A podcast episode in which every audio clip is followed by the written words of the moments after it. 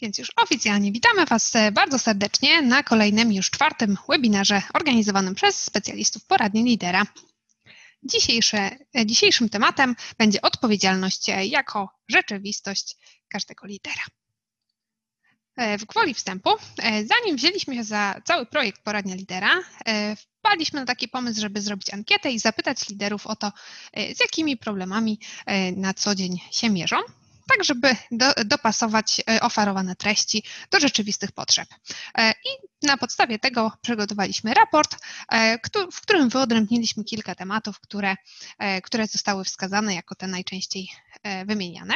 I mając ten zakres tematyczny, przygotowujemy ten cykl webinarów, tak żeby na każde zagadnienie było po jednym wydarzeniu. Tyle w ramach wprowadzenia i, i naszego dlaczego. Jeśli chodzi o formę, e, to e, zawsze przygotowujemy w taki sposób, że e, samo wydarzenie jest prowadzone przez kilka osób z różnych światów, z różnych branż, które przygotowują dla Was poszczególne części. I dzisiaj przed Wami będzie odpowiedzialność i decyzyjność jako takie główne hasło, a elementami składowymi wydarzenia będzie na początek historia kartofla, którą przedstawię Wam e, ja jako takie powiedzmy wprowadzenie i e, zagrzanie Was trochę do, do tematu i, i możliwe, że też do dyskusji. E, ja się nazywam Ewelina i, i jestem Scrum Masterem, powiedzmy, że reprezentuję branżę IT. Kolejny, kolejny podpunkt, czyli stopnie delegowania, zostaną poruszone przez Asię, która z kolei jest z świata marketingu, reklamy e, i też prowadzi własną działalność, także ma spore doświadczenie, jeśli chodzi o prowadzenie biznesu. E, kolejno posłuchacie o wzmacnianiu odpowiedzialności e, i Tomek, który prowadzi, prowadzi szkolenia, jest autorem książki i tak najbardziej specjalizuje się w sprzedaży, opowie Wam też trochę o walce z oporem i bezradnością. A na koniec smaczek w postaci zarządzania ABEBA, czyli takim nowym podejściem nowym, takim bardziej e, no, innowacyjnym podejściem do zarządzania e, organizacją, z przedsiębiorstwem i wprowadzi Was w ten temat, pokazując, że można inaczej. A Łukasz e, wywodzi się z produkcji i usprawnienie procesów jest dla niego chlebem powszednim. Ok, to idziemy do przodu. Pewnego razu był sobie pewien kartofel. Wzrastał on w spokoju i w harmonii natury. Postanowił, kiedy już dorósł, zakosztować sobie e, życia w wielkim mieście. Więc wpadł na genialny pomysł, że zacznie pracować w korporacji. E, I tak na sam początek, kiedy tam się pojawił, poobserwował trochę ludzi, bo dziwiło go ich zachowanie. Cały czas się gdzieś spieszyli, walczyli, rywalizowali. I tak, tak patrzył na to i przypominało mu to trochę, trochę ul, trochę bałagan, jaki, jaki można tam spotkać. E, zapatrzył się tak bardzo, że pech chciał, nie zauważył popielniczki, na której akurat tlił się do, niedopałek papierosa. No i stało się tak, że kartofel stanął w ogniu. Ludzie dookoła kartofla zaczęli stawać i przyglądać się temu wydarzeniu. A kartofel płonął i płonął Ludzie stali tak trochę znieruchomieli, bo nie wiedzieli, co mają zrobić. Czy wolno im w ogóle coś robić, tak bez zgody przełożonego się wychylać? No i tak, tak oni stali, a ten kartofel dalej płonął. Wtem z tłumu wyłonił się on. Dzisiaj mamy Dzień Chłopaka, więc będzie, będzie to on, e, wywrotowiec, który nie pytając nikogo o zgodę, wziął po prostu, e, ściągnął z, e, ze ściany gaśnicę i ugasił kartofla, kończąc jego, jego męki. Ludzie, którzy tak obserwowali tą sytuację, trochę się wyrwali z tego otępienia i, i korpo bezładu e, i zaczęli cieszyć się, wiwatować na, na jego cześć, że wziął inicjatywę i, i uratował sytuację. No i te okrzyki, te hałasy zwabiły osobę, którą nazwijmy roboczo szefo.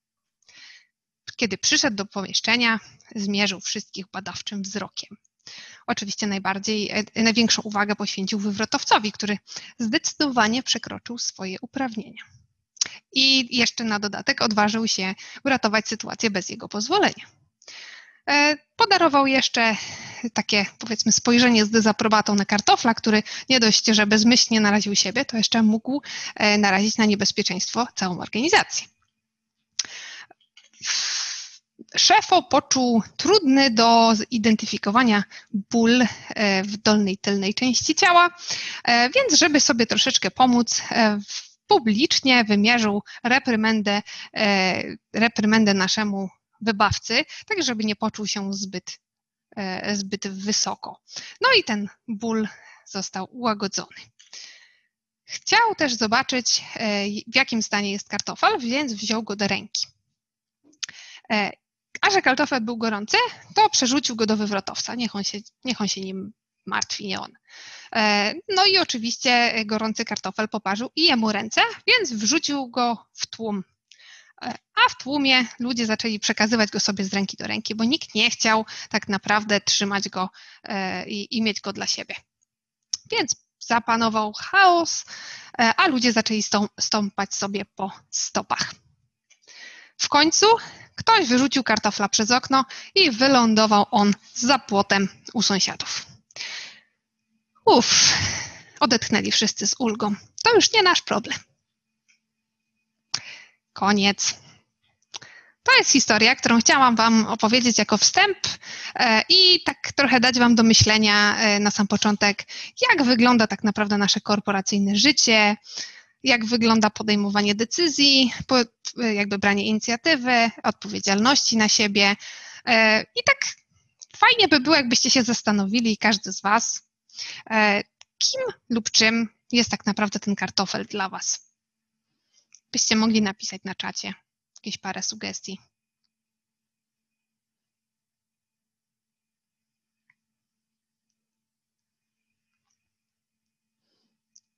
Czekam i, na, i zapadnie niezręczna cisza, jeżeli tego nie zrobicie.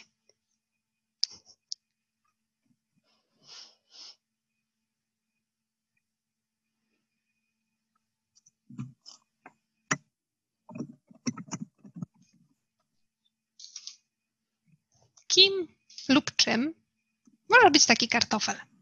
Gorący kartofel, którego wszyscy przerzucają z rąk do rąk. O, i pojawiają się fajne pomysły. Trudne zadanie, problem. Dla mnie kartofel reprezentuje odpowiedzialność. O proszę, tak bardzo tematycznie dzisiaj. Problem, trudne zadanie, uciążliwy pracownik. Też może być to osoba, z którą sobie nie możemy poradzić. Reklamacja od klienta. Też jak najbardziej temat, którego imienia nikt, nikt nie wypowiada. Czy jakiś taki y, słoń w pomieszczeniu, taki, którego imienia nikt nie może wymawiać, jakiś Voldemort. Okej. Okay. A jakie wnioski tak naprawdę z tej historii możecie wziąć dla siebie? Co tak naprawdę utkwiło Wam w pamięci? Który element Pracowałem kiedyś z takim kartoflem. Dostał awans skośny poza strukturą, strukturą firmy. Okej, okay.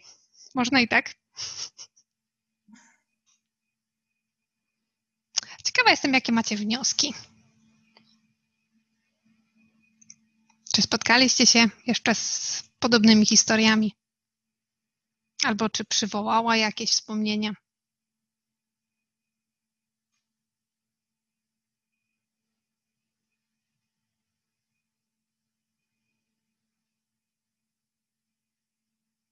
Czekam na Wasze komentarze na czacie.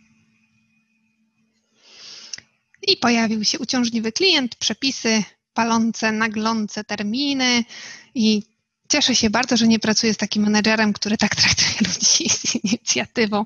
Bardzo fajny komentarz, Monika, bardzo mi się podoba e, i myślę, że będzie on e, bardzo fajnym punktem wyjścia dla kolejnych części.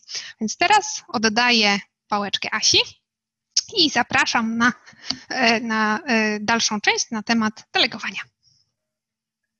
Cześć, witam. E, Ewelina nas tutaj trochę wprowadziła w taką refleksyjną formę webinaru i jeszcze trochę w takiej formie pozostaniemy, bo ja bym chciała, żebyśmy teraz się przyjrzeli naszym przekonaniom odnośnie delegowania i chciałabym, żebyście chwilę się zatrzymali i tak pomyśleli, że jeżeli myślicie o delegowaniu, to jaka jest Wasza pierwsza myśl? Jakie myśli się pojawiają w głowie I jakie uczucia pojawiają się w ciele, jeżeli myślicie o delegowaniu? Jakie są Wasze przekonania odnośnie delegowania? I teraz pomyśl o wszystkich obowiązkach, o natłoku obowiązków, jakie codziennie masz, o zadaniach, z jakimi się mierzysz jako lider w pracy. I czy jest coś, co chciałbyś delegować? Takie jedno zadanie. Pomyśl o tym zadaniu. Jaka jest Twoja pierwsza myśl, kiedy myślisz, że miałbyś to zadanie odpuścić i przekazać je komuś innemu? Żeby się miał delegować y, współpracownikowi. Co czujesz i myślisz, kiedy myślisz, że możesz to zadanie przekazać? Napiszcie proszę y, na czacie, jakie są Wasze pierwsze myśli i uczucia związane z delegowaniem jednego z Waszych obowiązków. Ulga. Tak. Być może jest tak, że mm, wiążą się z tym jakieś nadzieje, że będziemy mieli więcej czasu na e, realizowanie rzeczy tak naprawdę ważnych dla nas, albo ogólnie więcej czasu na odpoczynek. E, czy jest coś jeszcze, co się pojawiło w Waszej głowie albo w ciele, na przykład w brzuchu, kiedy myślicie, że moglibyście odpuścić jakieś zadanie i niepewność o jakość wykonania. Dokładnie. To czasami może się pojawić obawa, że ktoś to zadanie wykona nienależycie dobrze, nie tak dobrze jak my, bo oczywiście my jesteśmy niezastąpieni w naszych głowach. Może tak się zdarzyć. Czy jeszcze jakieś obawy się u Was pojawiają albo nadzieje, że przestaniemy być potrzebni? Dokładnie. Jest tak, czasami może się nawet pojawić e, w nas zazdrość, że ktoś wykonał to zadanie lepiej jeszcze większy stres, bo potrzeba dalej myśleć o tym zadaniu i martwić się, czy w ogóle ktoś inny je wykona. Jeśli ja je zrobię lub nie zrobię, to wiem, na czym stoi.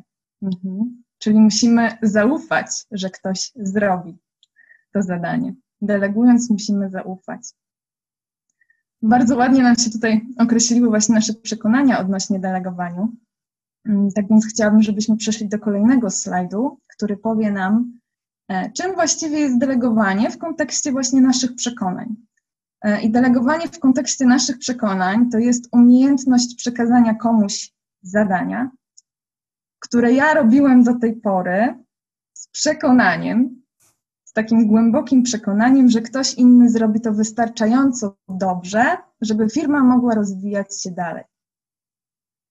I ja mam do Was teraz takie pytanie: czy ktoś komu delegujemy to zadanie, może to zadanie zrobić inaczej niż my robiliśmy do tej pory. No. Ja to zostawiam bez odpowiedzi, bo oczywiście, że tak jest i oczywiście, że zrobi to inaczej, ale my musimy mieć na to zgodę i zaufanie, że zrobi to po prostu po swojemu, ale wystarczająco dobrze. Przejdźmy więc do kolejnego slajdu, mm, bo e, musimy ustalić taką rzecz, że wraz wzrostem z naszych, z naszym wspierających przekonań odnośnie delegowania, e, możemy wymienić takie trzy poziomy delegowania, które przybliżają nas do tego, aby mieć więcej czasu dla nas na rzeczy ważne, żebyśmy mogli się rozwijać i dać komuś możliwość, e, żeby on mógł się rozwijać również poprzez, że my mu delegujemy. E, I po pierwsze to jest delegowanie zadań, kolejny poziom wraz ze stopniem zaufania do naszych współpracowników to jest delegowanie uprawnień i kolejny stopień to jest delegowanie odpowiedzialności. Mm. I teraz może pokrótce powiem, czym one się od siebie różnią, dlaczego to ma ścisły związek właśnie z, delego, e, z zaufaniem. E, otóż delegowanie zadań, jak wiecie, to jest najprostsza forma. I załóżmy, że mm, jesteście przedsiębiorcą, liderem przedsiębiorcą, który oprócz tego, że prowadzi przedsiębiorstwo, napisał też książkę. I do tej pory mm, książkę wysyłał sam, bo nie było dużo zamówień. Ale pewnego razu stwierdził, że nie, on już nie ma czasu na to, e, żeby tą książkę wysyłać. To nie jest jego priorytet. Idzie więc do pracownika, daje mu książkę i mówi: Słuchaj, Paweł, wyślij tą książkę do godziny 14. Chciałbym, żeby ta książka została wysłana i wręcza mu książkę. Co robi Paweł? Paweł idzie na pocztę, kupuje kopertę, kupuje znaczek, liże znaczek, nakleja znaczek, wypełnia druczek, książka została wysłana. Drugi dzień, ty jako mm, przedsiębiorca, lider, trzy osoby kupują twoją książkę. Ty znowu nie chcesz tego robić. Więc idziesz do Pawła i znowu prosisz go o wysyłkę tych książek. On te książki wysyła i na tym zadanie się kończy. Wiadomo, że żeby odpuścić już to zadanie, musisz wejść na wyższy poziom i dać komuś uprawnienie do tego, żeby on się tylko i wyłącznie, żeby on tylko i wyłącznie zajmował się tym, tymi książkami, wysyłką książek. Więc idziesz do niego, wchodzisz na wyższy poziom, dajesz mu uprawnienia do tego, żeby, delego, żeby mm, wysyłał od dzisiaj wszystkie książki, które zostają zakupione. E, ale bardzo ważna jest rzecz taka, że oprócz konkretnego instruktażu musisz mu dać e, wszystkie potrzebne narzędzia do tego. Tak, żeby on do, ciebie codziennie nie przychodził i nie prosił cię o pomocną dłoń albo nie pytał, gdzie te książki leżą. Dlatego, żeby delegować komuś uprawnienia, ufamy mu na tyle, mm, że dajemy mu dostęp do konta, na przykład bankowego, do którego mm, wpływają pieniążki za zamówione książki. E, dajemy mu uprawnienie do tego, e, żeby kontaktował się z klientami, jeżeli pojawi się jakiś problem z zamówieniem książki. E, dajemy mu uprawnienie do tego, żeby skontaktował się z firmą kurierską i podpisał z nimi umowę. Dajemy mu uprawnienie do tego, żeby kontrolował stoki i kontaktował się z wydawnictwem w razie konieczności do druków. Czyli nasz stopień zaufania do pracownika rośnie, musi, powinien wzrosnąć. E, wtedy możemy delegować mu uprawnienia, w których on się może rozwijać, a my mamy tak naprawdę czas na rozwijanie siebie i rzeczy naprawdę ważne dla naszego przedsiębiorcy. E, i kolejny poziom to jest już e, delegowanie mm, odpowiedzialności. I to już się wiąże z najwyższym stopniem zaufania, bo wtedy e, nasz pracownik, współpracownik, e, przekazujemy mu odpowiedzialność tak naprawdę za rozwój całego działu. Czyli on już nie jest odpowiedzialny za wysyłkę wszystkich książek, on jest odpowiedzialny również za wyniki finansowe, za wyniki marketingowe, E, dajemy mu kompetencje i możliwości do tego, żeby zatrudniał ludzi, żeby zwalniał ludzi, żeby delegował e, im e, zadania i, żeby zarządzał całym tym działem. I pamiętajmy, że delegowanie zadań to nie jest tylko mm, zrzucanie na kogoś nieprzyjemnych obowiązków albo obowiązków mało ważnych, których my nie chcemy robić, tylko jest to dawanie szansy na rozwój tego pracownika i dostrzeganie jego zasobów. Mm, dostrzeganie jego kompetencji. Mm, tak naprawdę delegowanie zadań to jest nagradzanie tego pracownika za jego do tej pory wkład darzenie go wielkim zaufaniem. E, I jest to również dla nas rozwój, e, jest to dla nas szansa na rozwój, mm, dzięki któremu my możemy się skupić na rzeczach naprawdę ważnych, na przykład na pisaniu kolejnej książki, zamiast na wysyłce książki. Więc obdarowując ludzi zaufaniem, także my możemy się dalej rozwijać. E, przejdźmy więc do, do kolejnego slajdu. Mm, przygotowaliśmy dla Was taką ankietę, mm, dzięki której możecie sprawdzić e, właśnie swoją gotowość do delegowania zadań, e, ale to jest też taka, mm, taką, taka, taką gotowość możecie sprawdzić związaną ze swoimi przekonaniami, e, związaną ze swoimi zaufaniami do pracownika i związaną z tym, czy tak naprawdę dostrzegasz zasoby swojego pracownika, więc jeżeli macie w tym momencie jakieś długopisy, możecie sobie już notować swoje pomysły. Ja tak szybko przebrnę przez tą ankietę, żebyście wiedzieli, jak z niej korzystać i jak rozumieć w niej pytania. E, ja sobie to do wszystkich. Tak, jak pobierzecie sobie ten dokument, to e, to jest edytowalny PDF, więc możecie sobie to nawet zacząć już teraz wypełniać, jeżeli macie ochotę. No i super. Jesteście gotowi? Okej, okay. dobra. E, więc tak, w pierwszym naszym pytaniu to jest, jakie uprawnienia, odpowiedzialność albo zadanie chcesz delegować? Czyli zastanówcie się, co chcielibyście delegować e, swojemu współpracownikowi. I zanim przystąpisz do analizy, dokonaj samooceny. Czyli określcie w skali od 1 do 10, e, jak bardzo chcecie to zadanie delegować, ale też jak bardzo jesteście gotowi, żeby to delegować, żeby po prostu to puścić. E, jakie są Wasze uczucia? Czy mm, macie na to gotowość? Czy mm, będziecie potrafili w ogóle puścić to zadanie, czy macie może takie przekonanie, że tylko wy potraficie to zrobić dobrze. Także bądźcie ze sobą szczerzy i odpowiedzcie w skali od 1 do 10, jaką macie gotowość do delegowania tego zadania. E, w kolejnym punkcie określ stopień zaufania do tego pracownika, o którym myślicie, że właśnie chcielibyście delegować to zadanie. No, to może być trudne. Ale możecie sobie przywołać e, na przykład myśli, z czym ten pracownik sobie poradził ostatnio. E, dobrze. Kolejnym punkcie może być także pomocny. E, określcie, jakie emocje Wam towarzyszą, kiedy myślicie o tej osobie. I to jest bardzo ważny punkt, bo no właśnie, czy to jest osoba godna zaufania, czy ją lubicie, czy może właściwie nie darzycie jej sympatią i chcecie jej podrzucić takiego płonącego ziemniaka, czyli pozbyć się jakiegoś zadania, które wam ciąży i zrzucić je na kogoś innego. Również może się tak zdarzyć. Albo, że mm, kierują wami takie emocje, że chcielibyście tą osobę sprawdzić. Albo pokazać, że się do czegoś nie nadaje. Więc to jest bardzo ważne, jakie emocje wami kierują, kiedy myślicie o tej osobie.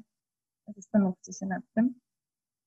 Następnie posługując się skalą od 1 do 10 określ kompetencje tej osoby, jeśli chodzi o ten obowiązek, jej rozwój, jak się do tej pory właśnie rozwijała, w tym kierunku na przykład, jej wiedzę oraz jej samodzielność e, do powierzonych zadań. E, następnie określ, jakie zasoby ma pracownik. E, I tutaj wypisujecie wszystkie jej cechy, tak naprawdę, jakie u niej widzicie. Oczywiście mm, należałoby się skupić, jeżeli budujemy zaufanie do pracownika na tych dobrych cechach, na tych dobrych jej zasobach, ale czasami może się okazać, że rzeczy, które pozornie są dla nas wadami, akurat przy wypełnieniu jakiegoś obowiązku mogą okazać się zaletą, więc tak naprawdę macie tutaj dowolność i możecie wpisać wszystko, e, co przychodzi Wam na myśl. Kolejne pytanie to jest, jak pracownik będzie mógł się rozwijać dzięki temu zadaniu? I to jest bardzo ważne pytanie, ponieważ określając to, czy jest to dla niego zadanie rozwojowe, możemy przewidzieć, czy on będzie miał motywację wewnętrzną do tego, żeby mm, to zadanie realizować dobrze. Czyli wpłynie to też na nasze zaufanie. Jeżeli będziemy wiedzieli, że ta osoba o tym marzyła, albo jest dla niej szansa na rozwój, to prawdopodobnie będziesz mógł jej zaufać, że ona to zadanie będzie wykonywać dobrze, bo będzie miała do tego motywację, bo będzie ją to satysfakcjonować. Więc warto się nad tym zastanowić. No w kolejnym punkcie zastanawiamy się, co może przeszkodzić takiemu pracownikowi. No wiadomo, żeby mieć po prostu wgląd w to, czy faktycznie jest to odpowiednia osoba, żeby jej to delegować, e, ale też w to, jakie po prostu przeszkody może napotkać. Mm, warto zawsze o tym myśleć. E, Kolejne pytanie, jakiego wsparcia będzie potrzebowała ode mnie i od otoczenia? E, no wiadomo, że Wy będziecie mieli pokusę taką, żeby ją ciągle wspierać, mm, ale warto, żeby się mm, skupić tylko na kilku e, rzeczach, którymi chcielibyście ją wesprzeć.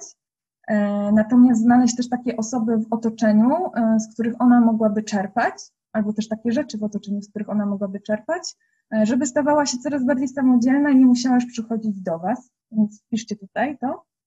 No i po tej dokładnej analizie mm, sprawdź jeszcze raz, jaka jest Twoja gotowość do delegowania w skali od 1 do 10, czy coś się zmieniło, czy jest na tym samym poziomie? E, i jak zmienił się stopień zaufania do tego pracownika po tym, jak przyjrzałeś się jego kompetencjom, jego wiedzy, jego e, samodzielności, e, po tym, jak wypisałeś wszystkie jego zasoby, także czy coś się zmieniło i czy Twoje zaufanie wzrosło? E, mam nadzieję, że ta ankieta będzie dla Was pomocna. Mam nadzieję, że była zrozumiana. E, jeżeli macie jeszcze jakieś pytania, to może wpiszcie je na czacie, a jeżeli nie, to ja oddaję głos Tomkowi. Okej, okay, to dzięki bardzo Asiu za Twoją część i za podzielenie się przemyśleniami na temat e, stopni delegowania i także e, tą kartą pracy. E, jeżeli ktoś ma pytania, to myślę, że dobrą praktyką byłoby, jakbyście wrzucali od razu na czata, ja je zbiorę i postaramy się na nie odpowiedzieć na sam koniec, w zależności od tego, ile zostanie nam czasu, ale jeżeli jakieś zagadnienie szczególnie utkwiło Wam w głowie i chcielibyście jeszcze o nim porozmawiać, to śmiało piszcie, będziemy do tego wracać. Kolejna część będzie dotyczyła wzmacniania odpowiedzialności, a także pracy z z oporem i e, wyuczoną bezradnością. A tą część przygotował dla Was Tomek. Zapraszam. Cześć, witam serdecznie. E, dzisiaj, tak jak, dziękuję Ewelina. Dzisiaj, tak jak e, było sygnalizowane, opowiem o czynnikach, które uniemożliwiają nam branie tej odpowiedzialności. Pierwszy slajd. E, głównie skoncentruję się na, mm, na oporze, e, opór przed braniem na siebie obowiązków. Opowiem też o e, wyuczonej bezradności. Dlaczego? Dlatego, że mm, człowiek, żeby brać na siebie zobowiązania, brać na siebie odpowiedzialności, potrzebuje poczucia sprawczości, potrzebuje poczucia wpływu, potrzebuje poczucia pewnej kontroli. I tu jest, e, i ten termin bardzo ładnie e, rozwija i, i, i uzupełnia e, Seligman, do którego też będę nawiązywał. Więc jakie są czynniki i, i co z tą odpowiedzialnością? Kolejny slajd. Łatwo powiedzieć, żeby brać odpowiedzialność, ale oczywiście często zapominamy o tym, że odpowiedzialność to jest zobowiązanie, a zobowiązanie to jest pewna praca, którą trzeba wykonać. I e, to jest tak jak z pewną wycieczką, z pewną drogą. Jeśli macie ciężki plecak, e, w którym jest już dużo różnych przedmiotów, to idąc taką trasę, raczej myślicie o tym, żeby wyciągać te przedmioty, żeby plecak był lżejszy, niż żeby dokładać kolejne. Tak samo mogą się czuć pracownicy, e, którzy są przeciążeni obowiązkami. Pierwszy obszar e, jest to analiza obowiązków, które mają pracownicy. E, tutaj oczywiście można pewne obowiązki ściągnąć, można zmienić proporcje między tymi e, obowiązkami, po to, żeby zrobić miejsce na nowe odpowiedzialności, na nowe zobowiązania, bo warto zauważyć, że za każdym razem, jak przekazujemy człowiekowi nowe zadanie, on bierze zobowiązanie, że to zadanie dowiezie, bierze na siebie odpowiedzialność. E, kolejna rzecz e, to jest, dlaczego ludzie obawiają się tak tej odpowiedzialności, dlaczego tak się bronią przez tą odpowiedzialnością, to jest chęć zachowania pozytywnego wizerunku. I często jest tak, e, co udowodniają wszyscy psychologowie, w zasadzie wszyscy psychologowie humanistyczni, od Karla Rogersa po Rollomeya, że człowiek broni pozytywnego wizerunku własnego. Co za tym idzie, e, boi się, że kolejne zadanie może przerosnąć jego siły. Nie wie, jak sobie poradzić z danym zadaniem. W związku z tym jest nastawiony na to, żeby chronić ten, e, ten wizerunek, e, co powoduje dalej, że mm, raczej ostrożnie podchodzi do nowych zadań. Warto o tym pamiętać, bardzo istotna jest e, w tym miejscu informacja zwrotna. E, dobrze jest, żeby taka informacja zwrotna była zrównoważona z przewagą pozytywnych elementów. Wtedy pracownik, wtedy dbamy o pozytywny obraz pracownika, e, o pozytywny wizerunek pracownika. Dalej jest lęk przed nowym, lęk przed niepowodzeniem. I tutaj e, jest kwestia związana z naszym ego. Nasze ego ma nas zabezpieczać. Nasze ego stoi na straży, żeby nic nam się złego nie stało. W związku z tym czujemy lęk, jeśli nie wiemy, jak dana sytuacja się skończy, jak dane zadanie się skończy. Tutaj rozwiązaniem tej sytuacji jest przygotowanie pracownika do tego, co przed nim stoi, jakie wyzwanie przed nim stoi, jakie zadanie przed nim stoi. Do tego jeszcze nawiążę E, w dalszej części. E, kolejny czynnik, który, który jest związany z oporem, jest e, to brak umiejętności. Brak umiejętności, no jeśli ktoś nie ma umiejętności, nie ma zdolności do wykonania jakiegoś zadania, no to po prostu się będzie bronił przed tym zadaniem. Rozwiązanie jest proste. Podnosimy kompetencje pracowników. Podnosimy kompetencje pracowników. Jest to jeden z głównych obszarów pracy menadżera, E, ze wzrostem kompetencji poszczególne osoby zauważycie, że będą mieć e, większą siłę do tego, żeby brać te zobowiązania na siebie, brać te odpowiedzialności. Dlaczego? Dlatego, że będą czuć się pewnie. Mm, kolejna rzecz to jest brak wsparcia. E, nie wiem, czy macie takie, takie sytuacje. Jeśli tak, to, to napiszcie na, e, na czacie, że wzięliście na przykład jakieś, jakieś zadanie na siebie, wzięliście jakąś odpowiedzialność i zostaliście z tym sami. W którymś momencie zostaliście z tym sami, e, nikt was nie wspierał. No jeśli macie takie, e, takie doświadczenia, no to niestety najprawdopodobniej zastanowicie się później, czy znowu brać na siebie jakieś odpowiedzialności, ponieważ nauczyliście się, że zostajecie z takimi sprawami sami. Tak samo będą się czuć wasi pracownicy.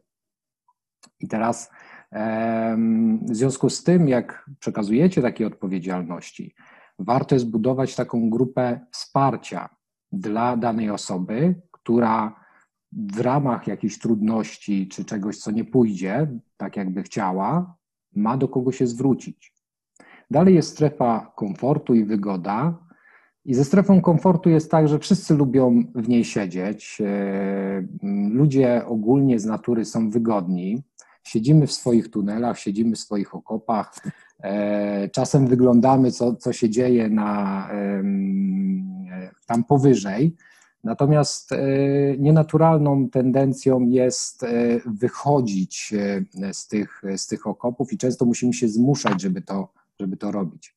To są czynniki oporu. Teraz przejdę do tego, jak można sobie radzić z przekazywaniem odpowiedzialności jest tu kilka mechanizmów, które mm, zaczerpnąłem z metod poznawczych i po kolei. Przekazując odpowiedzialność, znajdź uzasadnienie.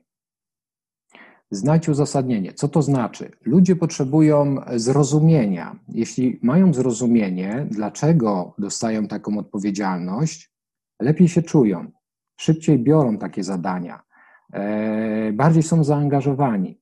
Więc jeśli przekazujesz odpowiedzialności, zbuduj e, takie zrozumienie, zbuduj taką racjonalizację. Dlaczego pracownik sobie zadaje pytanie, dlaczego mi przekazujesz tą odpowiedzialność? Dlaczego nie dostaje jej Kasia, Zosia czy ktoś inny z zespołu?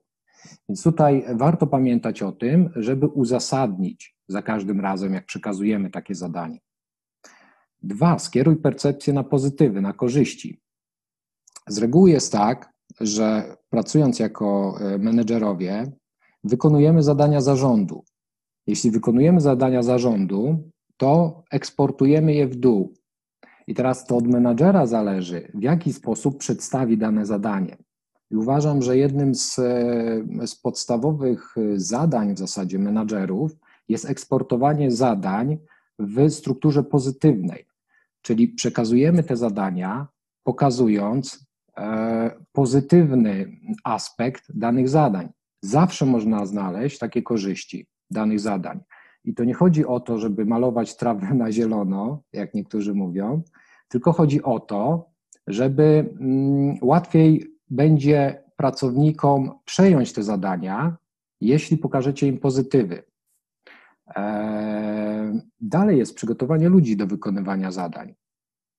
I teraz, dlaczego to jest e, czynnik istotny? Otóż e, człowiek przygotowany do zadania czuje się bardziej komfortowo, nie, e, nie czuje takiego stresu. Więc ja mam taki nawyk, żeby, zwłaszcza jeśli przekazuję trudne obowiązki, trudne zadania, żeby siadać z poszczególnymi osobami i dawać im pewne standardy, które umożliwią im wykonywanie tych zadań. Czyli ktoś tutaj powiedział wcześniej o, o rozmowie re, mm, reklamacyjnej. Na przykład, jeśli bym przekazywał, e, jakby, jeśli bym przekazywał zadanie związane, powiedzmy sobie, z rozmową taką e, reklamacyjną, którą musi poprowadzić e, mój pracownik, to bym przygotował tego pracownika, jak ma poprowadzić tą rozmowę reklamacyjną, jakich słów ma użyć, jakich zwrotów ma użyć. Taka osoba będzie czuła się bezpieczniejsza dzwoniąc do takiego klienta będzie wiedziała, co ma powiedzieć. Można zrobić z ludźmi scenki, przygotować ich w jakiś sposób, po to, żeby lepiej sobie poradzili w sytuacji. E, monitoruj, rozlicz, i tutaj przyznaję, dodałem ten czynnik, żeby zamknąć cały proces. Chodzi o to, że jeśli nie monitorujemy i nie rozliczamy w zdrowej oczywiście atmosferze, to e, pracownicy mają takie, e, takie wrażenie, że rozejdzie się po kościach, nie zostanie to przypilnowane. Wtedy nie mają problemu z braniem odpowiedzialności, natomiast e, nie zawsze się angażują w to, co robią. Więc menadżer powinien oczywiście monitorować, interesować się zadaniami, które zleca i rozliczać na końcu ludzi, po to, żeby oni nabrali nawyków, wie, wiedzieli, że będzie pewna kontynuacja Oczywiście z rozliczaniem jest tak, że rozliczamy w dobrej atmosferze, zdrowej atmosferze, co znaczy, że nie robimy pracownikom wymówek, że nie obciążamy pracowników poczuciem winy, jeśli czegoś nie zrobili. E, wyciągamy wnioski, pracujemy nad tym, żeby te rzeczy, które nie poszły, żeby je zmienić w przyszłości. Tak to powinno wyglądać. Jeśli oczywiście e, pracownik dopnie zadanie, wykona zadanie, wykona swoją odpowiedzialność, no to wtedy warto wzmocnić takiego pracownika, e, wykazać, e, pokazać swoje uznanie, w cudzysłowie poklepać go po plecach, podziękować za, za wykonane zadanie. I kolejny slajd. Przechodzę do bezradności. Bezradność, tak jak powiedziałem, jest e, przeciwieństwem sprawczości i, mm, i wpływu, kontroli. E, jest to termin wprowadzony przez Martina Seligmana. Mm, odnosi się do życia codziennego, jak i do życia zawodowego. Ja sprowadzam kwestię do życia zawodowego. E, jest to, jest to sytuacja, w której pracownik oczekuje tego, co negatywne czuje, że nie ma wpływu, czuje, że nie ma kontroli nad, nad sytuacją, nad, nad tym zadaniem, które do niego przekazujemy. Myśli sobie, i tak będzie źle, albo będzie co będzie. I tutaj jest to absolutne przeciwieństwo, ponieważ taki pracownik potrzebuje oczywiście sprawczości, po, potrzebuje wpływu, potrzebuje kontroli, jeśli mu przekazujemy te, te zadania. I teraz bezradność ma dwa aspekty. Kolejny slajd, proszę. E, aspekt motywacyjny i poznawczy. Mm, pracownik nie ma motywacji najczęściej dlatego, że e, doświadczył jakichś niepowodzeń. Natomiast aspekt poznawczy jest związany z uczeniem się. Uczeniem się, że mm, zmiana zachowań, zmiana reakcji może przyczynić się do nowych rezultatów. Więc e, tutaj może być blokada na którymś z tych, z tych poziomów. I teraz trzy obszary, w których pracujemy nad bezradnością. Odpowiedzialność, stałość, zasięg. Te obszary wyodrębnił e, Martin Seligman. E, teraz tak, o co chodzi? Pierwsza, odpowiedzialność. Jeśli rozmawiacie z pracownikiem i e, pracownik ma tendencję do tego, żeby zrzucać odpowiedzialność na zewnątrz, czyli winne, winne jest środowisko, winne, winni są klienci, zarząd firmy, nie wiem, sprzęt, y, który nie chodzi prawidłowo, cokolwiek tutaj mógłby wymyślić pracownik, y, tutaj w tej kwestii jest duża kreatywność bardzo często, e, odbijamy tą, tą odpowiedzialność do wewnątrz, czyli pytamy, co ty zrobiłeś w tej sytuacji, co ty zrobiłeś w tych, w tych okolicznościach, jak ty się zachowywałeś w tych okolicznościach, e, jakie działania podjąłeś, i teraz, jak poprowadzimy kilka takich rozmów e, z pracownikiem, on zaczyna się koncentrować na tym, co sam może zrobić, nie na tych czynnikach zewnętrznych, tylko na tym, co sam może zrobić.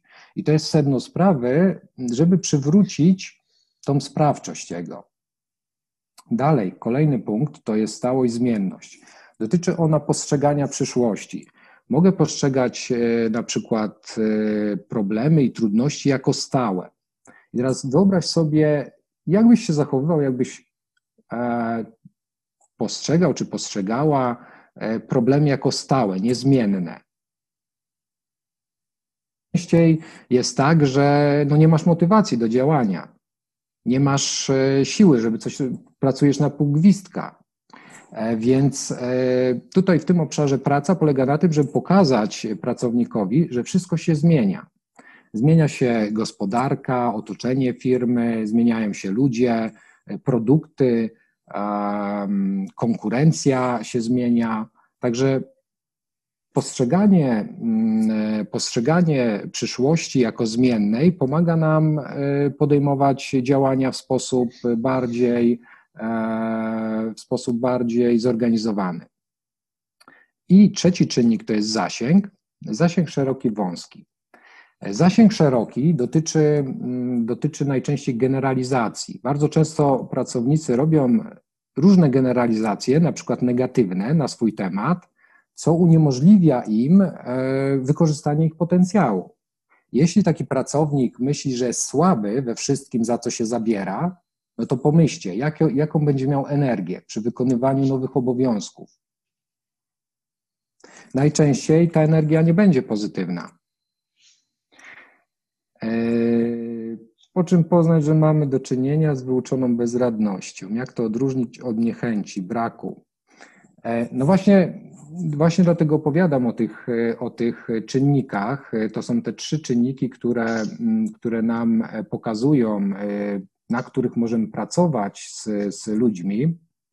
E, więc kontynuując, zasięg szeroki, wąski. Jeśli zauważycie, że człowiek robi jakieś generalizacje, wasz pracownik robi generalizacje na swój, na swój temat, negatywne, szukacie wyjątków, szukacie faktów, dzięki którym e, możecie tą generalizację odwrócić. Dla przykładu, ktoś myśli sobie, że jest bałaganiarzem, to zaczynacie mu zwracać uwagę na fakty, szukacie wyjątków. No ale zobacz, biurko masz czyste, czyli w zasadzie to nie jest tak, że jesteś bałaganiarzem w każdym obszarze. Zobacz, dokumenty potrafisz poukładać. E, dodając takie wyjątki, w którymś momencie pracownik zacznie przejmować autorstwo, czyli odwraca tą generalizację i dochodzi do wniosku, no tak, faktycznie e, są e, tutaj obszary, w których nie jestem bałaganiarzem. Więc e, oczywiście, jeśli e, pracownicy mają robić na swój temat generalizacje, to najlepiej, żeby były to generalizacje pozytywne. E, czyli na przykład za co się zabiorę, to robię dobrze. Wszystko za co się zabiorę, to robię dobrze. To jest przekonanie wspierające i tutaj pracownik wykorzystuje swój potencjał prawidłowo. OK, tyle ode mnie. Tyle ode mnie. Jak są jakieś pytania, to proszę na czacie a ja przekazuję y, głos Łukaszowi. Dzięki Tomek za Twoją część. E, jeżeli ktoś ma pytania, to śmiało piszcie. E, a teraz przejdziemy do części Łukasza odnośnie zarządzania Ameba.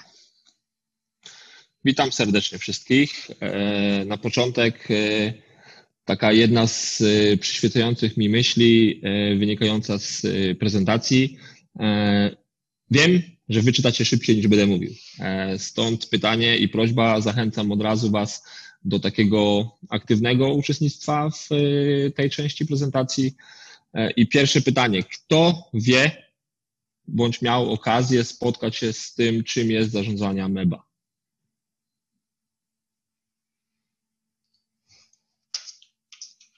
I potrzebuję Was aktywnych, niewątpliwie. Dobra, dzięki Ewelina. Dobra, e, idziemy dalej. Więc tak, to jest, jest to ideologia tak naprawdę zarządzania, e, dosyć mocno powiązana z dzisiejszym e, naszym panelem, ponieważ e, wszystko w zarządzaniu MEBA rozbija się o delegowanie, rozbija się o dzielenie odpowiedzialności ze strony osób zarządzających do swoich e, współpracowników. E, I tak naprawdę porównując dwa obszary zarządzania, w którym pierwszy, ten tradycyjny model, najczęściej wyróżnia e, w strukturach takie osoby jak menadżer, dyrektor, który ma za zadanie e, tworzyć budżet, następnie odpowiadać za jego realizację. Wśród budżetów naturalnie musi znaleźć się miejsce na optymalizację kosztów. Związana najczęściej jest ona z tym, co jest na moich plecach, moje doświadczenia, czy to z miesięcznych raportów, czy, czy z rocznych zestawień. Mm, I najczęściej tak naprawdę e, całość wyniku finansowego w przeciętnej organizacji podsumowywana jest przez dział finansowy e, poprzez nic innego jak rachunek zysków i strat, tworzony najczęściej rocznie, kwartalnie dla spółek akcyjnych, udostępniany na giełdzie, tak aby inwestorzy mogli podejmować mm, decyzje. E, zarządzanie Ameba ma już to do siebie, że tak naprawdę menadżer jest tylko osobą będącą w organizacji, która ma określone funkcje, ale jego jedną z podstawowych funkcji jest dzielenie się odpowiedzialnością w zarządzaniu. E, I tak naprawdę poszczególne, poszczególne komórki, te ameby, takie jednokomórkowe e, przedsiębiorstwa w przedsiębiorstwie, powodują już y, małą zmianę. Ta mała zmiana, po pierwsze, daje nam najczęściej już dwa poziomy nadzoru nad budżetem, ponieważ robi to z jednej strony lider takiej komórki, po drugie robi to menadżer wydziału. Patrząc z perspektywy tworzenia budżetu bądź optymalizacji kosztów, E, nie jest rolą menadżera optymalizacji, ale tak naprawdę każdego członka naszej organizacji, który przychodzi do swojego, na swoje stanowisko pracy i, i musi mieć kompetencje, e, musi mieć tą delegowaną odpowiedzialność do tego, aby po pierwsze dostrzegać swoje koszty, po drugie, aby móc e, wpływać na nie poprzez zmiany, które będzie wprowadzał. I najważniejszą częścią tej organizacji jest fakt, iż świadomość kosztów, e, świadomość tego, gdzie nasze przedsiębiorstwo jest, musi być znana z dnia na dzień e, i poprawiana tak naprawdę w, w tym dniu, w którym zostaje dostrzeżona. A przyświeca temu e, myśl, którą ukształtował Peter Drucker, jeśli nie możesz czegoś zmierzyć, nie będziesz w stanie tego poprawić. A więc przyjrzyjmy się. Przyjrzyjmy się pierwszej firmie. E, wyobraźcie sobie, że to jest taki sklep spożywczy bądź minimarket, supermarket. E, no i zakładając, że czytacie szybciej niż ja mówię, pytania e, do Was. Co Wy sądzicie? Czy to jest dobre przedsiębiorstwo? Zakładamy, tak jak widać, że wynik finansowy jest na plusie. Są tam struktury jak w przeciętnym przedsiębiorstwie. Jak wygląda Wasza opinia? czekam na, na informacje.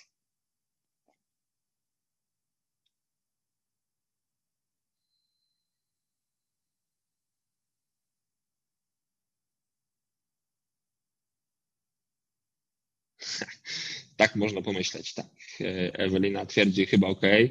E, bo na pierwszy rzut oka faktycznie można tak, można tak e, uznać, że jeśli jest przedsiębiorstwo, którego rolą jest generowanie zysku i ten zysk jest, no to przedsiębiorstwo spełnia się w tej takiej kluczowej, kluczowej swojej e, roli.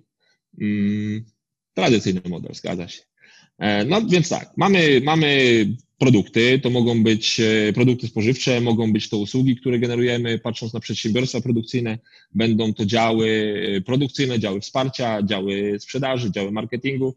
I tak jak w sklepie są poszczególne role przypisane do poszczególnych osób, E, a najbardziej w tym wszystkim ciekawa jest e, struktura organizacyjna, gdzie najczęściej jest prezes, jest kierownik zmiany działu, e, jest osoba, operator, nastawiacz, sprzedawca, którzy mają swoje zakresy obowiązków i w nich się mieszczą.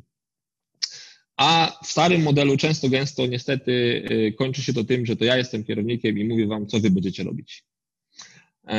To powoduje, że tak naprawdę ocena firmy jest wykonywana często przez jedną osobę i ta jedna osoba nie jest w stanie dostrzec tego, co rzeczywiście w tym przedsiębiorstwie się dzieje. Jak zobaczymy tak naprawdę to przedsiębiorstwo troszeczkę głębiej, e, co będzie widać na slajdzie numer dwa, e, to okazać się może nagle, że dwa z czterech działów przynoszą nam straty. E, to mogą być straty związane z transportem, który zamawiamy, mogą być to straty związane z produktami, które w zbyt dużej ilości nadają się do, do śmieci po pewnym czasie. E, a będą działy, tak jak w tym przypadku alkohol z okazji Dnia Chłopaka, e, mi też się piwo dzisiaj należy, e, przynosi zyski. Nie? I gdybyśmy mieli tak naprawdę małych liderów poszczególnych działów, którzy odpowiadają za swoje wyniki finansowe, byliby w stanie oni dostrzec, że wynik finansowy całego przedsiębiorstwa to nie wszystko, bo tak naprawdę poszczególne działy generują koszty rolą w zarządzaniu Ameba jest to, aby każdy dział odpowiadał za to, jaką robotę robi i jaki wynik finansowy z tego powstaje. E, nie ma tutaj miejsca na to, że marketing nie interesuje się tym, na ile jest skuteczny. Nie ma tutaj miejsca na to, że sprzedaż to jest dział, który odpowiada za realizację y, oczekiwań klientów, ale nie wspierając się tym, jakie zasługi dla nich generuje marketing. Nie ma tutaj miejsca na to, że zakresy obowiązków nie są powiązane z wynikiem finansowym, jaki dana organizacja e, tworzy. I tak samo e, stanowiska w firmie nie mogą odbywać się klasyczny model, czyli nie ma tutaj miejsca na to, że ja jestem szefem i każę wam robić to, co uznaję za skuteczne, tylko proszę was o wsparcie i deleguję Wam odpowiedzialność za to, abyście sami zarządzali swoimi mikroorganizacjami w moim przedsiębiorstwie. E, I tak podsumowując to na kolejnym slajdzie, możemy zobaczyć, że po pierwsze, metoda ta została stworzona przez takiego pana, który nazywa się Kazuo Inamori. Jak e, będziecie zainteresowani tą metodą zarządzania, zachęcam Was do e, ocenienia tego, co on zrobił z Japanese Airlines, e, na ile skuteczna jest to metoda do wyciągania przedsiębiorstwa z poważnego kryzysu finansowego i wprowadzania go znów w lata swojej świetności. Zrobił to na zasadzie zbudowania właśnie takich mikroprzedsiębiorstw, zwanych e, właśnie amebami, gdzie lider każdej komórki odpowiada za to, co kupuje, kiedy sprzedaje, e, w jakich ilościach utrzymuje swoje zapasy. E, jest on odpowiedzialny za tworzenie współpracy z pozostałymi organizacjami, czy tam tymi amebami w firmie i co najważniejsze, z samego założenia on robi to pro bono. E, czyli nie jest jego motywacją kwestia finansowa, tylko kwestia tego, że on zyskuje odpowiedzialność i może współdecydować o e, zarządzaniu naszym przedsiębiorstwem. E, kluczem do tego jest niewątpliwa i wymagana od wszystkich ciężka praca, a na dzień dzisiejszy ten styl zarządzania został wdrożony w ponad 700 firmach, w tym między innymi w Kiosera, firma, w której powstało to, to zarządzanie, następnie wdrażane w takich firmach jak KDDI czy właśnie Japanese Airlines.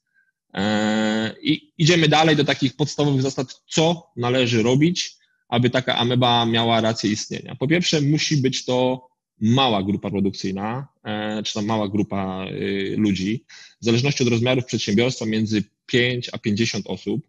E, wiadomo, że w sklepie spożywczym będzie to znacznie mniejsze, a w firmach wysokoprodukcyjnych będą to już większe zespoły, ale takie są podstawowe założenia. Po drugie, każda z tych AMEB musi mieć swój rachunek,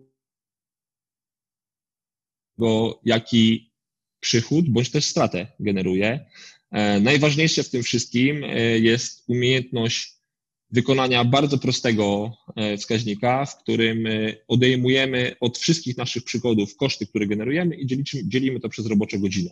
Ten wskaźnik pokazuje nam wtedy wynik w złotych, w euro na roboczą godzinę w mojej amebie, czyli e, pokazuje mi to, na ile skuteczny finansowo ja jestem. I tutaj nie ma miejsca tak naprawdę na błędy związane z nieliczeniem danych kosztów, ponieważ koszty muszą wpadać wszystkie rzeczy, takie jak media, części zamienne, wsparcie ze strony utrzymania ruchu bądź e, naszych dostawców. E, jedynym takim średnio liczonym kosztem ogólnie jest koszt roboczo-godziny. Wynika to naturalnie z faktu, iż nie wszyscy zarabiają to samo i aby nie było jakiegoś e, takiego nieporozumienia, ten koszt jest liczony jako średni. Idąc dalej, e, możemy przejść przez to, czym musimy się kierować w zarządzaniu MEBA, jakie są tam podstawowe zasady, jest ich wymienionych siedem. E, ja już zaznaczyłem tą zasadę numer jeden, czyli zarządzanie gotówką. W tym wszystkim bardzo ważny również jest ta zasada podwójnego sprawdzania, bo co dwie głowy, to nie jedna, jak mówi polskie przysłowie, i tak e, samo mieści się to w e, naszym zarządzaniu. I to, co najważniejsze, e, nie wszyscy są kierownicy, dyrektorzy na to gotowi, musi być tu przejrzystość w zarządzaniu. Ja muszę być w stanie pokazać moim pracownikom, ile my zarabiamy, i niewątpliwie musi być tutaj miejsce na to, aby pracownicy zdawali sobie sprawę z tego, że my jako przedsiębiorstwo przynosimy zyski, i patrząc na turkusowe nasze slajdy, a zarazem turkusowe organizacje, musimy dać im godnie zarobić. E, więc to są te kluczowe zasady, jak chodzi o zarządzania MEBA. Będą również na kolejnym slajdzie zasady, które mają nam pokazać, czym my jako kierownictwo, czym my jako liderzy musimy się kierować, e, tak aby nasza struktura, nasza firma działała zgodnie z e, tą filozofią. Czyli musimy mieć jasno określoną misję, musimy mieć tą chęć rozwoju tak naprawdę głęboko w naszym sercu. Nie może być to przychodzenie do pracy i znowu jest 8 godzin, tylko muszą to robić z pasją, z takim pełnym zaangażowaniem, e, dzieląc się sukcesami, będąc do pracowników e, nastawionym pozytywnie, miłym, szczerym, e, wesołym, e, tak aby praca dawała nam satysfakcję, e, bo tak naprawdę jest to znaczna część naszego dnia i jeżeli nie będziemy tego robić z takim pozytywnym nastawieniem, no to szanse na, na nasz sukces e, niewątpliwie będą malały. E, po zasadach kierownictwa e, są również czynniki, które mają za zadanie motywować naszych pracowników. Pierwsza i kluczowa to nasze ego musi wylądować w kieszeni, nie ma na nie miejsca, bo wszyscy w firmie mamy takie same znaczenie, jak chodzi o sukces, bez względu na stanowisko, które pełnimy. Więc po pierwsze, traktujmy pracowników jako naszych partnerów. E, po drugie, zyskajmy ich szacunek za to, że jesteśmy w pełni zaangażowani i, i ta nasza otwartość pokazuje im takie zaufanie, którym ich e, dzielimy. E, wyjaśniajmy im tak naprawdę, jaka jest wizja, jaka jest misja naszej firmy, gdzie jest kierunek rozwoju, w którym kierunku chcemy podążać i, i musimy wyjść z założenia, że My też nie jesteśmy doskonali e, bez względu na stanowisko, które, które, które mamy, więc e, musimy się tak naprawdę doskonalić z dnia na dzień, e, zakładając, że dzisiaj muszę pracować lepiej niż pracowałem wczoraj, aby mój jutrzejszy dzień był lepszy. Więc to z mojej strony na tyle. Mam nadzieję, że było to dla Was czymś nowym, czymś, co może Wam pomóc, troszeczkę coś innego wdrożyć w Waszych organizacjach. E, a odnośnie pytania, jak chodzi o bezradność stały zmienny, to, to nie do mnie w sumie rzeczy. Dobra, dobra. Także e, z mojej strony dzięki bardzo. Okej, okay, super. Dzięki bardzo Łukasz za e, przytoczenie nam tego, tego stylu, sposobu zarządzania, jako trochę taka tak ciekawostka, myślę, że nawet dla wielu z nas. A teraz czas na pytania. Pojawiło się no, na czacie od Moniki e, pytanie do tematu o bezradności. Stałość, stały zmienny. Czy można prosić o jeszcze jakiś dodatkowy przykład, jak pracować z pracownikiem na tym poziomie? To pytanie do Tomka. Okej, okay, e, więc e, stałość, zmienność. Tak jak powiedziałem, jakiś przykład. Stałość dotyczy, stałość, zmienność dotyczy tego, jak twój, twój pracownik czy ty postrzegasz przyszłość. I teraz, jeśli na przykład rozmawiam z pracownikiem i pracownik do mnie mówi: Słuchaj, Tomasz, e, wiesz, te plany są tak wysoko, ja nigdy nie wykonam tych planów. Ja nigdy nie wykonam. Tutaj po prostu, wiesz, nie dam rady tego zrobić. E, to on pokazuje, że jest praca na tym polu, dlatego że patrzy w przyszłość i od razu przypisuje tej przyszłości pewien stały efekt efekt na zasadzie swojej bezradności. Ja nie dam rady. W związku z tym z góry zakłada, że go spotka coś negatywnego. Pracując z taką osobą, mogę mu pokazać, e, temu pracownikowi, że to zależy od niego. Nie ma wpływu na różne czynniki, ale ma wpływ na to, jakie mm, podejmuje działania. I teraz to nie jest tak, że jakiekolwiek działania podejmie, otrzyma ten sam efekt prawda? Więc tutaj pracuję nad tym, żeby mu pokazać, że przyszłość zależy od niego, że, e, że jest pewna zmienność, że jeśli podejmie inne działania, otrzyma inny efekt, prawda? Einstein kiedyś powiedział, że jak powtarzamy te same działania, otrzymujemy ten sam efekt. I oczywiście tutaj jest bardzo podobna sytuacja z, ze stałością, zmiennością. Po prostu wychodząc w przód, pokazujemy pracownikowi, że to jego działania sprawią, jego działania sprawiają, że jest w pewnym miejscu, w którym jest. Zmiana, zmiana tych działań spowoduje, że będzie w innym miejscu. Czyli zaczyna taka osoba sobie inaczej wyobrażać tą, tą przyszłość. Nie wiem, czy Ci odpowiedziałem na pytanie.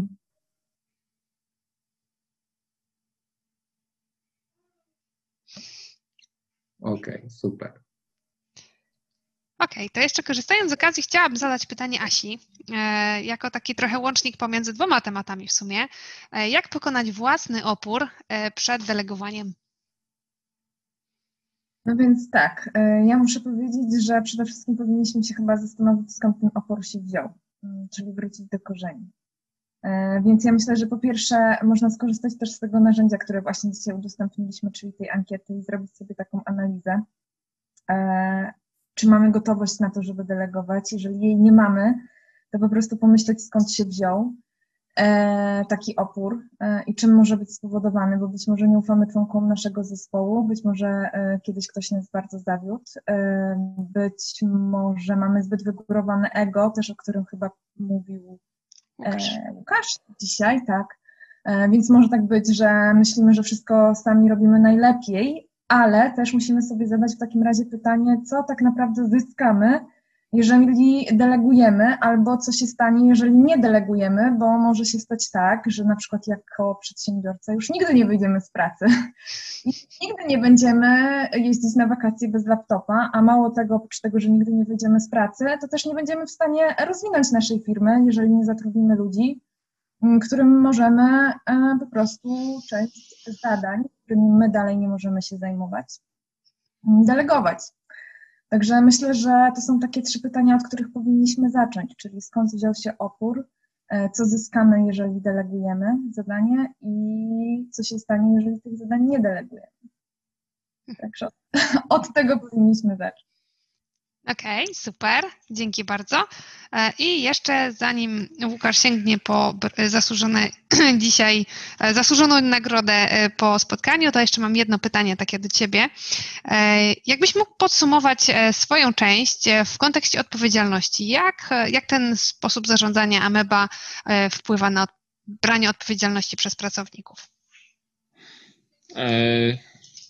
Wracając do filozofii zarządzania Ameba, tutaj, dzieląc się odpowiedzialnością na zasadzie świadomości wyników, e, będąc kierownikiem magazynu, to ja mam możliwość zmiany firmy, która dostarcza nam towar, ewentualnie mam możliwość e, podjęcia własnych kroków w stronę na przykład zbudowania wewnętrznej logistyki, która będzie dostarczała nasze produkty do naszych klientów. To ja mam opcję, czy tam decyzję związaną z tym, czy muszę kupić od mojego dostawcy, czyli na przykład działu produkcyjnego bądź, bądź działu sprzedaży nowe towary, jeśli jeszcze stare zalegają mi na półkach. Nie jest to tak, że ktoś zamówił i teraz znowu gdzieś to trzeba rozłożyć, tylko to ja podejmuję tę decyzję, więc e, dzięki temu, że mam wpływ na to, jak kształtuje się moja organizacja, rośnie moja odpowiedzialność, a zarazem ja mogę Wam potwierdzić, rośnie motywacja u ludzi, bo ludzie lubią brać odpowiedzialność, e, ludzie lubią odnosić sukcesy, a zarządzanie chyba właśnie jest po to, aby firmy mogły osiągać sukces. Jeśli ktoś nie wierzy w to, że ja mogę zmienić firmę, to zachęcam do takiego krótkiego filmu na YouTubie, jak e, mały kawałek domina wywraca następnie większy i kończy się to tym, że malutki kawałek wywrócił wielki klocek, więc e, wierzcie w siebie e, i tak naprawdę domagajcie się od swoich przełożonych tego, żeby wam delegowali zadania, e, domagajcie się tego, żebyście mogli brać odpowiedzialność za współzarządzanie organizacją, bo, bo po to jest. Po to jest firma, firma po to jest, żeby wnosić zyski, a my jesteśmy tam z nią dlatego, żebyśmy mogli się cieszyć z sukcesów, które osiągamy.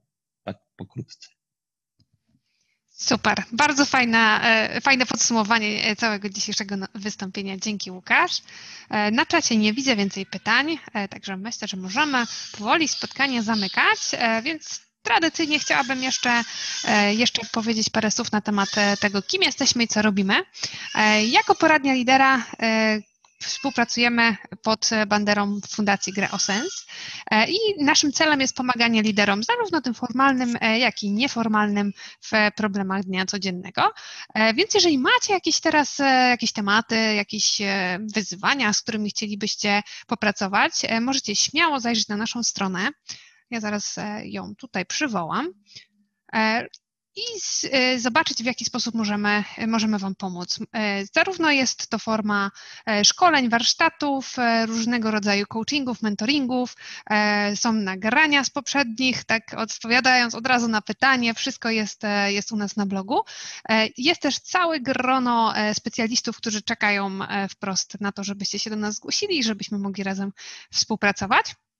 E, czy to przez coaching, czy to przez mentoring, e, to już tak naprawdę e, wasza, wasz wybór. Są tematy, które są efektem też właśnie naszego raportu wspomnianego na samym początku, więc śmiało wchodźcie na naszą stronę, jeśli chodzi o, o materiały z poprzednich wydarzeń, również inne karty pracy, które udostępnialiśmy poprzednio. Wszystko znajdziecie na naszym blogu szybki look. Jest i link do filmu, materiały i też do pobrania materiały, które, które możecie w każdej chwili sobie, w każdej chwili możecie z nich skorzystać, więc serdecznie zapraszam do wejścia na naszą stronę, do której linka Wam od razu teraz udostępniam. I krótka informacja na temat tego, co jeszcze nas czeka w Fundacji do końca roku. E, jako, że rok nam powoli e, zmierza ku końcowi, e, w tym momencie realizujemy nadal poradnie lidera.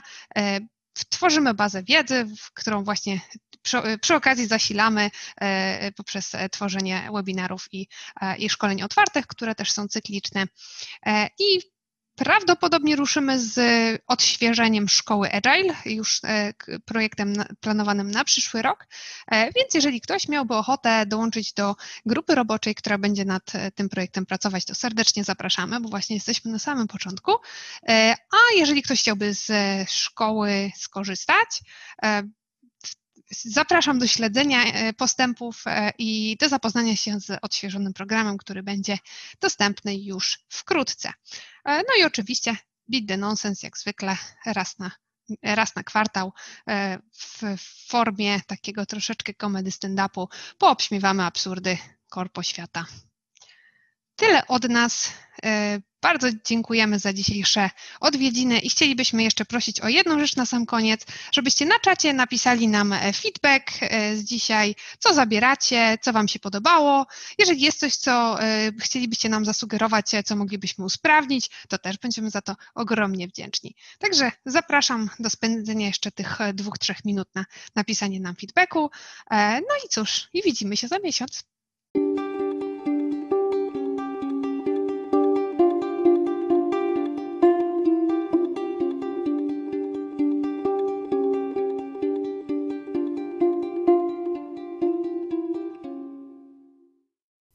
Zainteresował Ciebie ten temat i potrzebujesz porozmawiać z ekspertem? Skorzystaj z poradni lidera Fundacji Graosens. Wejdź na graosens.org.pl ukośnik poradnia lidera.